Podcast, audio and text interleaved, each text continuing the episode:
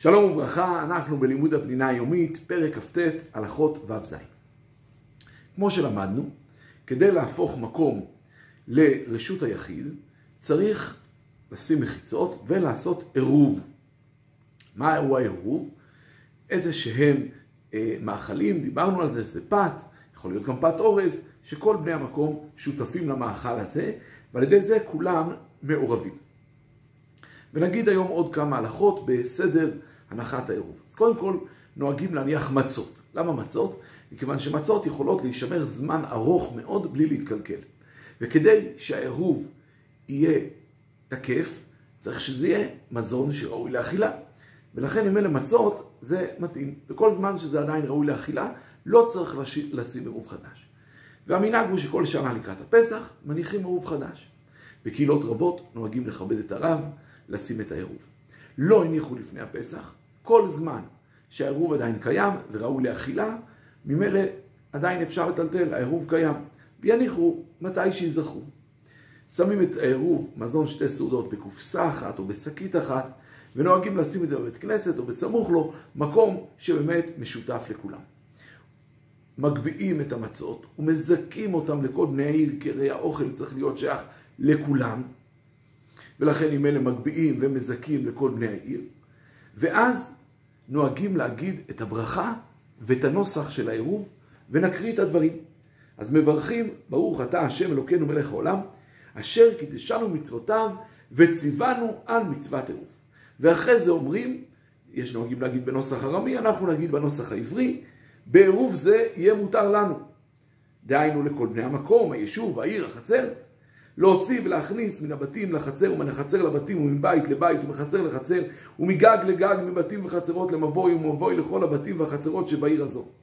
לנו ולכל הדרים בעיר הזו ולכל מי שיתווסף בה לכל שבתות השנה ובכל הימים טובים הבאים עלינו לטובה. וברגע שאומרים ממילא את הנוסח הזה, יש את העירוב. ועכשיו כמו שאמרנו, הוא נמצא וכל זמן שהוא נמצא יכולים כולם לטלטל על סמך העירוב. הבעיה היא מה קורה שיש אחד מבני המקום שלא רוצה להשתתף בעירוב. ברגע שאחד לא רוצה, כבר לא כל בני המקום מעורבים ויאסרו לטלטל.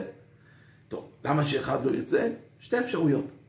שונות לגמרי. האחד, זה שיש אדם חילוני, לא שומר תורה מצוות. הוא לא מעניין אותו העירוב הזה. הוא לא רוצה להיות שותף בזה. במנהגים האלה, הדתיים. ואפשרות שנייה, להבדיל אלף אלפי הבדלות שיש גוי במקום, ומילא הוא לא רלוונטי לעניין. הציעו בזה כמה הצעות. הצעה אחת, שאם יש אדם אחד כזה, ישכיר את ביתו למי ששומר שבת, לשבת, ואז עם אלה, כל בעלי הבתים, הם רוצים את העירוב, הוא אמנם נמצא שם, אבל לא בעל הבית, כי השומר שבת מזכיר ממנו את הבית. זה כמובן אפשרי כאשר זה מקום קטן ויש מישהו ספציפי שאפשר לדבר איתו. אבל כמובן זה לא רלוונטי בעיר. אז אמרו אה, פתרון אחר. בעצם ראש העיר או האחראי על העיר מטעם הצבא, מפקד העיר, לכל עיר יש אה, מפקד בצבא שאחראי עליה.